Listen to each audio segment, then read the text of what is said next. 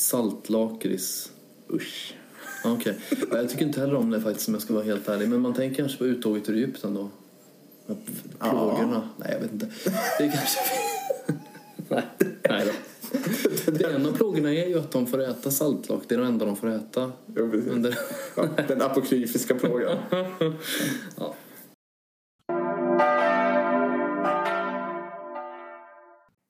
Utan på något sätt har eh, ja, men, vad ska jag säga, vallat skidorna där Mm. i ett visst läge.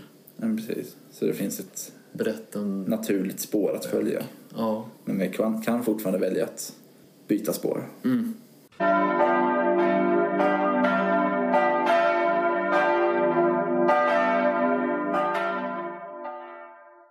Hjärtinnerligt välkomna till avsnitt 5 av Lillhäls mål från Linus Forsbergs kök mitt i den vackra lärdomsstaden Uppsala och jag heter Jim Lagerlöf. Och jag heter då Linus Forsberg. Det stämmer. Annars hade det varit lite, eh, lite Ja, om det hade obehagligt. suttit någon annan här i Linus Forsbergs kök tillsammans Oh, Ja, med mig. Eller om vi hade suttit i någon främ... Ja, okej. främlingskök, Det men hade ju så- varit... eh, Vems kök hade du velat sitta i? Finns det någon? Eh, Just nu hade det varit lite intressant att sitta i, i statsministerns kök och höra hur... Ja, hur tankarna går. Ja, Jag vill, jag vill gärna sitta i ett... Alltså det- en grej som jag gillar med just kök, det är om du, kom- om du har bjudit, någon bjuder hem dig på middag. ja, Och, du kom, och så är det okej att komma tidigt. Vissa människor vill ju att man, du vet, man kommer lite efter utsatt tid så att man liksom kommer när allting är liksom precis när man ska äta. Typ. Men ibland kan det ju vara så att man får komma i- tidigare och vara med om matlagningen. Stå i köket och prata. Och jag tycker väldigt mycket om det.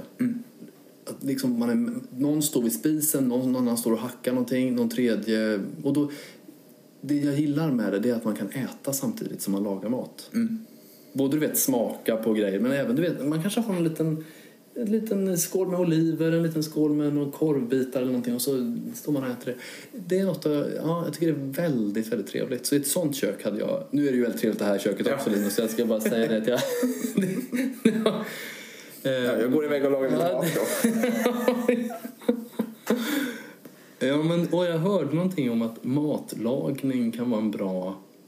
Om man vill undervisa i kristen tro så kan man använda matlagning som, en, eh, som ett redskap. För att olika ingredienser bildar en helhet så att man kan liksom... Du kan laga någonting för att göra en poäng. Alltså, jag menar, Jesus Mm. äter ju en del och så vidare. Men ja, det, det- jag vet inte allt om det. Jag har inte, jo, jag har använt matlagning, eller mat i alla fall, Mm. med konfirmander när man pratar om eh, sista måltiden. Mm. Att de får smaka på olika saker som, som man åt i den här judiska sedemåltiden som var den sista måltiden. Ja, ja. Nej, men precis. Jag minns när jag hade praktik förra sommaren. Mm. Då gick de igenom böckerna i, jag tror det bara var Gamla Testamentet. Eller så var det- Det är ju inte ja. så bara, som Ja, vi nej, ska men just precis. den här Ja. säsongen av Lilla Älvsborg. Ja. Och då fick varje bok en godisbit Mm. som man skulle hänga upp det på. Att, och nu minns jag väldigt lite, men någon godisbit var lite sur. Jag tror att det var klagovisorna. Smart. Lite, Smart. så det fanns, Undrar vilken som var till jobbsbok, tänker jag ju direkt då. ja, precis, ja. Det blir jag nyfiken på. Jag tror jag har lappen hemma. för Hur de Mm. Vi delar kan upp använda det. det i framtiden. Mm. Mm. Och det tyckte jag att det fanns också en pedagogisk poäng för då kunde man komma ihåg det sen så att när vi åt godis under det här konfalägret så kunde man ta upp så här, "Ja, men nu tar vi en Ja, femte Mosebok Så här." smart. Smart, smart, smart. Så blev det väldigt levande. Saltlakrits. Usch. Ja, Okej. Ja, Jag tycker inte heller om det faktiskt om jag ska vara helt ärlig. Men man tänker kanske på uttåget ur Egypten då. Med Plågorna. Nej, jag vet inte. Det är kanske... Nej. Nej då. Det enda av plågorna är ju att de får äta saltlak. Det är det enda de får äta. Ja, precis. Under... Ja, Den apokryfiska plågan. Ja. Nej, nu skärper vi oss. Som jag brukar säga. Jag men- Det finns ju en man som var, var med i På spåret. Det tittar väl säkert du också på. Ja. kunde jag ju gissa att jag... eh, Nej, men eh, Patrik Arve. Mm. Han är väl någon typ av sångare. Teddy Bears va? Eh, Exakt, Teddy Bear Stockholm. Han hade i alla fall en tatuering som är den första typen av tatuering som jag skulle kunna tänka mig. Jag är ju lite sådär, jag vill inte ha en tatuering, absolut inte. Inga tatueringar, man ska kanske till och med inte ha tatueringar, punkt slut, man ska inte ha det. Den känslan kan jag gå omkring med i kroppen. Men så hade han en tatuering i alla fall där det står skärpning på alla plan. Och jag tyckte det var så roligt. Så det skulle jag faktiskt kunna tänka mig att ha. Inte på något synligt ställe, men kanske på ryggen eller liksom något ställe där man inte ser det. För jag tyckte det var så kul. Skärpning på alla plan. men precis. Ja, nej, ingen av oss är ju tatuerade. Nej, vad vi vet. Nej, nej jag är inte det. Ehm, utan eh, ta- en tatueringsfri podd. Men eh, ni som lyssnar får ha vil- vilka, vilken, både ansiktsbehåring ni vill och vilka tatueringar ni vill. Sen så uppmanar jag ju alltid alla som kan att skaffa skägg. Det finns ju ett visst är det fint, så, va? fint teologiskt arv. Okej. Ja, det, det där med lutherska präster och skägg är ju liksom lite... bo- Ibland har det varit väldigt populärt med skägg. Eh, och ibland har det varit tvärtom, att man ska ha inget skägg. Mm.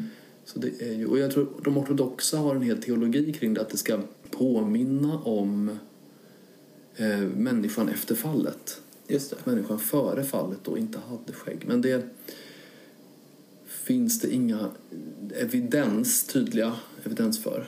Men det är i alla fall någon som har tänkt på det någon gång. Kanske Gregorius av Nyssa eller någon sån där person. Vad ska ni läsa för text ur det gamla testamentet? Eller det första testamentet som vissa säger nu Ja. på söndag.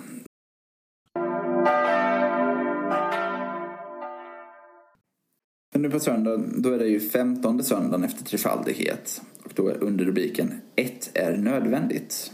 Och då läser vi från första kungaboken 17, verserna 8 till 16.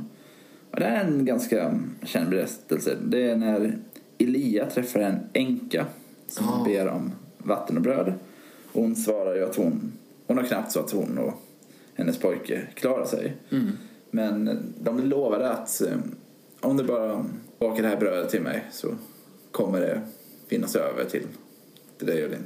Det är torka i landet, eller hur? Så Ja, det har inte precis. funnits chans att odla någonting. Och den här änkan väljer att lita på det här. Och mycket riktigt så blir det verkligen ett överflöd. Det räcker dag, Tillbaka, ja, dag ja. efter dag till både Elia och till pojkarna. Tänker jag. Ja. Och här är det ju tron som blir nyckeln, skulle jag säga. ja. Att hon litar på honom. Ja, Eller ja tror men på honom. precis. Att få höra att men okej, du, har, du har inte så mycket hos dig. Och det här lilla du har, det ber jag dig nu att äventyra. Äventyra utifrån att så här, hon har ju egentligen inga garanter på att det här kommer ske. Men lita på det jag säger. Lita på att Gud har bett mig framföra att om du gör det här så kommer det bära. Och det blir ju lite... Jag slogs av det att eh, även om det är två vad ska jag säga, till det yttre olika val så blir det här lite en påminnelse av vad som sen hände med Maria. Att hon också får ställs inför det här valet. Säga ja, lita på Gud, säga nej. Och att det blir ju väldigt, väldigt bra när man litar på Gud. Jag tänker direkt på att eh, det blir bra, men det kanske inte blir bra med en gång. Mm. Han, visst talar Jesus om den här kvinnans tro vid något tillfälle? Jo, Han säger änkan, det är väl änkan i Nain vi pratar om här. Och han kommenterar väl hennes tro, alltså ungefär att hon har då större tro än många i eh, Israels folk, säger han väl. Han, han syftar väl i första hand på det religiösa etablissemanget då. Men hon har en väldigt stor tro. Och när du jämför henne med Maria nu, jag har inte tänkt på det, det är en väldigt intressant jämförelse. Maria är ju inte i det här... För änkan är ju i ett behov, hon är Ja. ju desperat nästan. Hon har ingen mat i princip. ja, men precis. Det står ingenting om att Maria saknar mat eller så. Men det, jag håller med om att, att det är väldigt... ehm, li- alltså det är på ett sätt liknande. Så Vad, vad tror du det är som gör att hon litar på Elia här då? Det är mm, verkligen en knäckfråga. För att hon får ju höra att det... Det här säger Herren, att om det här sker. Och att hon då helt enkelt lever ett liv i, i överlåtelse. Att hon... Fast hon är änka, fast hon är fattig, så litar hon. Litar hon på Gud. Det kan ju också vara eh, att man tar... Om man är i den här desperata situationen som hon är i då kommer man väl på något sätt ta de chanser man får. Mm. Hon har ju också alternativet att liksom bara säga till Elia, gå härifrån. Jag vill inte ha med dig att göra. Du kommer äta mig ur huset. Va? Mm. För han begär en sån mystisk sak. Han, hon säger, jag, jag kan inte ge dig någonting. Och då säger han, baka bara en liten brödkaka åt mig. Alltså, jag, jag har ingenting. Kan du ändå baka en brödkaka? Det är nästan som ett skämt, va? Mm. Om jag hade hört det från någon att jag har inget att ge dig, nej men ge mig ändå någonting. Ja, det är något mystiskt med det där. Ja, nej, men verkligen. Man Och, måste uppfatta att- på något sätt att han var lite annorlunda. ja, men verkligen. För att det finns ju en sak här som höjer insatsen ännu mer. Och det är ju att hon har en pojke att- att föda. Sin och son, va? sörja. Mm. För det är klart att... Ja, nu vet du det här betyder bättre än jag för att du är förälder och jag är det inte. Att ta risker för sig själv är en sak. Mm. Att ta risker för sitt barn. Ja, jag håller helt... Alltså så är det ju. Mm. Så hon, det är något väldigt speciellt med den här situationen. Det måste ju vara så att hon, precis som när, du vet, när Jesus säger följ mig till vissa Ja. personer. Att någonting slår an hos dem som gör att de följer honom. Han säger ju bara de orden i princip. Följ mig. Ja, men precis. Eh, Han presenterar sig inte ens. Han informerar inte vart han är på väg eller någonting. Eh, Så d- i- ibland tror ju jag att människor får, får vara med om situationer som de inte riktigt kan förklara men som, där det då är självklart att agera på ett visst sätt. Där är ju min, min tro att det är Gud som går in, går in och verkar. Att Mm. Gud ger oss förutsättningarna att göra ett val men att valet tillåts kännas naturligt. Utan på något sätt har eh, ja, men, vad ska jag säga, vallat skidorna där Mm. i ett visst läge. Ja, precis. Så det finns ett Berätt en... naturligt spår att följa. Ja. Men vi kan, kan fortfarande välja att byta spår. mm, Jag tror att den balansen är väldigt viktig för hur Gud jobbar med oss människor. Vi får behålla vårt val. Det pratade vi lite om förra veckan också. Om att göra gott, göra, göra ont. Den här friheten vi har. Ja. Ja, precis.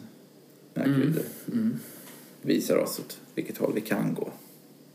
Ja, visst, alltså hon på något sätt behöver den här kvinnan, hon hade väl någon typ av urskiljningsförmåga så att hon kunde följa att den här känslan som jag får nu, att lita på den här mannen, att han är en gudsman då, att den, den ska jag följa nu, den här känslan. Om jag tänker hur man lever den här texten Mm. så skulle jag säga, och det är väl egentligen lite av det som vi har gjort nu. Så här. Sätt oss in i, om vi hade varit änkan och då med allt det här omkring oss, att det handlar inte bara om oss utan det handlar också om vårt barn. Och så får vi den här starka känslan. Vå- Skulle vi i det läget våga följa den? Eller skulle vi inte? Reflektera över det. Be över det. Hur förhåller jag mig till min tro i det här läget? Att verkligen bli änkan för en liten stund och fundera på din tro utifrån det. Man kan jämföra också lite grann sin egen tro med, med änkans tro där. Men det, det är också situationen som, som gör någonting tror jag. Vi vet ju väldigt lite om henne så vi vet ingenting annat om henne egentligen. Än att hon, hade, att hon kände igen att det här är någonting att lita på. Väldigt intressant. Och eh, en väldigt egentligen spännande berättelse. Må- Många av de här berättelserna som man läser snabbt förbi de innehåller en del mystik tycker jag. Alltså det, det, många, det är som en deckargåta nästan. det här, Ja. tycker jag. Mm. Hur man kan närma sig texten så också.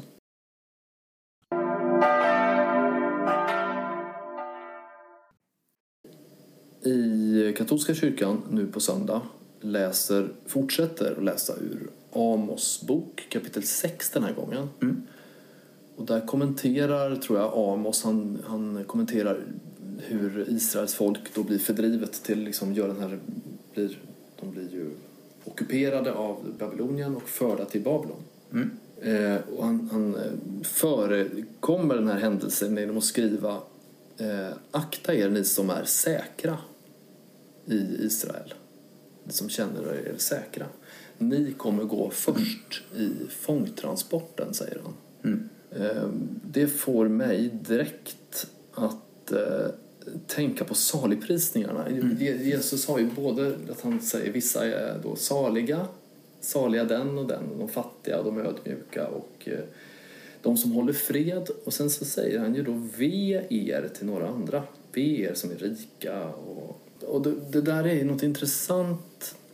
Jag tror att det människan hela tiden försöker göra det är att ta kontroll över situationen. Alltså att bli en säker person. Nu sitter jag säkert. Det är människans dröm på något sätt. Att bli så som människan tror att Gud är. En person med kontroll, med total kontroll. Som, och det är en typ av, det kan man ju säga är makt också. Man maktar kontroll över situationen. Jag bestämmer vad som kommer att hända. Jag är beredd på varje situation. Ingen kan eh, överraska mig, ingen kan överrumpla mig, ingen kan kasta sig på mig och liksom eh, förstöra för mina planer. Jag- Jag vet inte men, hur det är för dig, men, men jag har ju väldigt svårt för när det inte går så som jag trodde att det skulle gå. Alltså om jag har en planering för en dag och så säger någon, ska vi inte göra så här istället? Jag, blir, jag känner frustration i kroppen då. Jo, men jag, jag kan relatera. Ja, okej. Framför, ja, men just det, så här, jag har, blir mindre frustrerad om det är jag själv som gör att det spricker. Mm. För att då har jag någonstans gjort ett val eller jag Ja, ja. har inte gjort, gjort tillräckligt för att det skulle hålla. Om jag tänkte jag måste hinna med det här, det här, det här och sen hinner jag bara med två av tre saker. Mm. Då, då är det lite mer mitt fel kanske. Mm. Men absolut, om någon, någonting dyker upp som de inte... De har inte mejlat två veckor i förväg. Nej, exakt, exakt, exakt. Ja, är det... Ja, Nej, men jag tror- jag tror vi är ganska ja, lika där. Ja, och jag, du vet att jag, jag tycker att det där är... Jag, jag kan, det tar en stund för mig att ändra mig. Mm. Och jag gör, jag gör det. Va? Alltså jag, jag kan... Okej, men då får vi göra så här istället. Eller okej, vi, måste, vi måste lösa detta nu så då får vi göra si eller så. Jag, liksom, jag blir väl, går in direkt i någon typ av... Okej, hur gör vi nu? Hur löser vi det här? Mm. Eh, Det gör jag, men jag tycker att det är otroligt stressande för mig och frustrerande. Och jag förstår att det här är nästan som en, som en eh, funktionshinder för mig. För att det, det, kan liksom, det, är där, det är därför jag tror att jag tycker så mycket om liturgin också. För den är, i alla fall i mi- mitt sammanhang, samma varje gång. Ja. Man bara hänger på, man, liksom, du vet, man tar rygg och så bara fortsätter det. Det är som att åka en berg och dalbana, den, den åker liksom på sitt spår. Ja. Nej, men jag är exakt likadan. Ja. Och det här att ja, men det är bestämt när reser sig folk Ja. upp, när sätter man sig ner. Det är Mm. inte bara, men nu står hälften och hälften sitter. Och man bara, Mm. okej, nu ska jag göra ett val här. Vad ska jag välja idag? Oj, nu. Precis. Ja.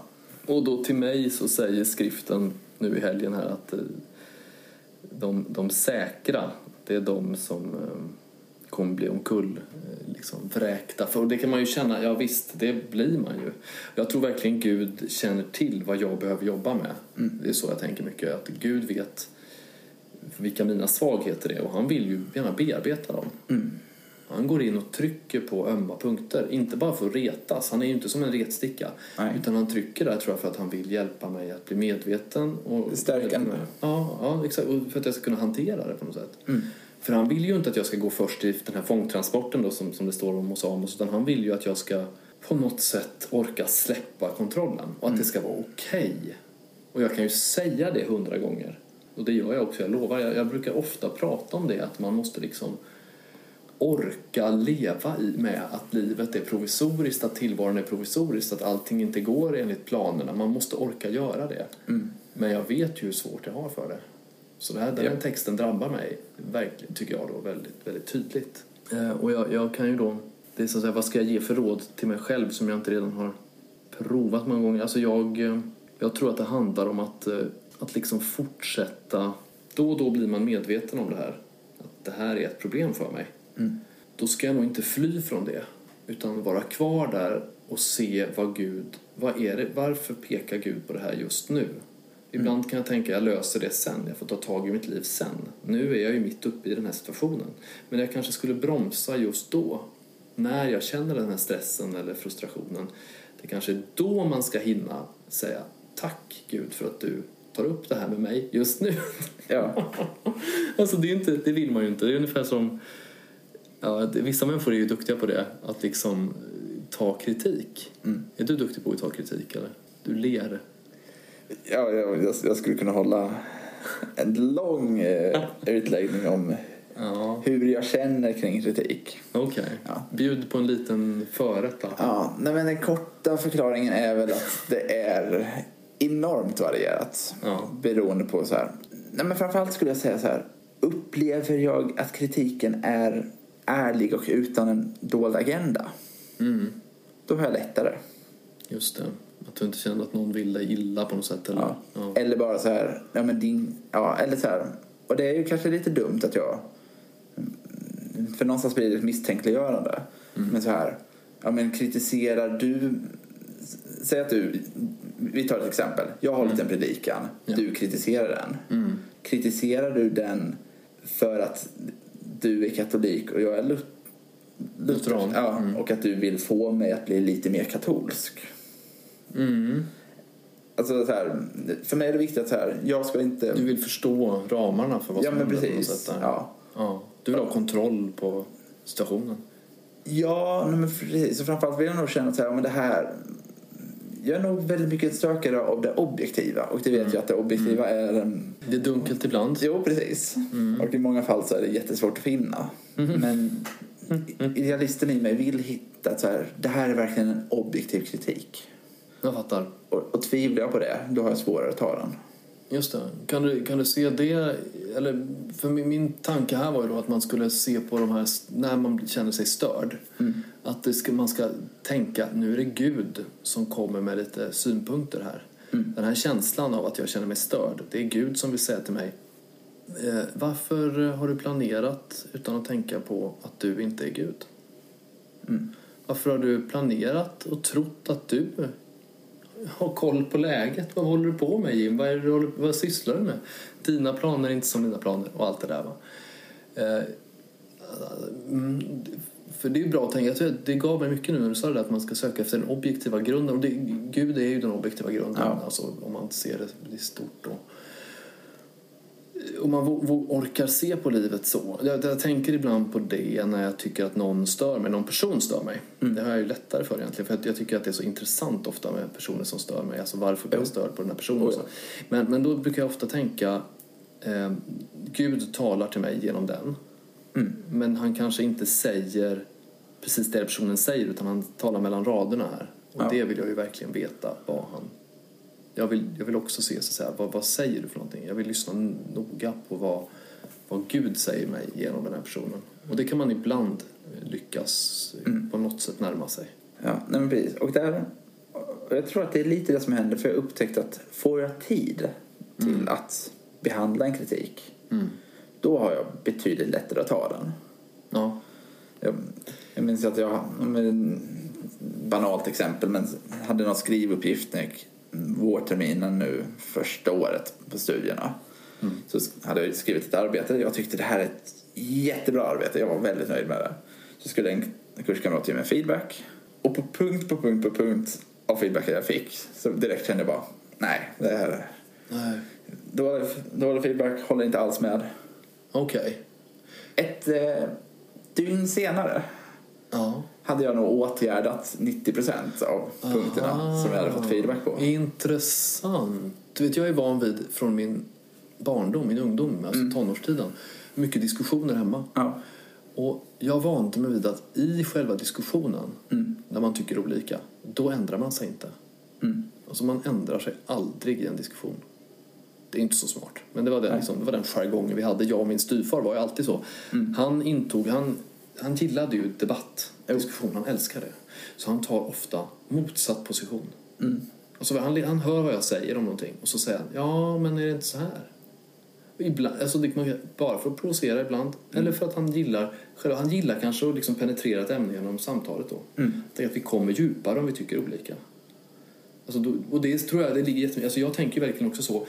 Och det har ju gjort till exempel mitt äktenskap lite krångligare ibland. För att jag tycker ju att man ska ha den approachen i en diskussion. Man ska liksom ändra sig. Det kan man göra efteråt. När man, som du säger, man låter det ta tid. Man, man tänker igenom. Men i själva diskussion, om det är en diskussion så ska man inte hålla på att ändra sig. då, Utan då ska man köra det i botten. Ja. Av pedagogiska skäl nästan. Det är ju inte så smart. Det är verkligen kokobello ibland. Men för att man förstör ju stämningen till exempel.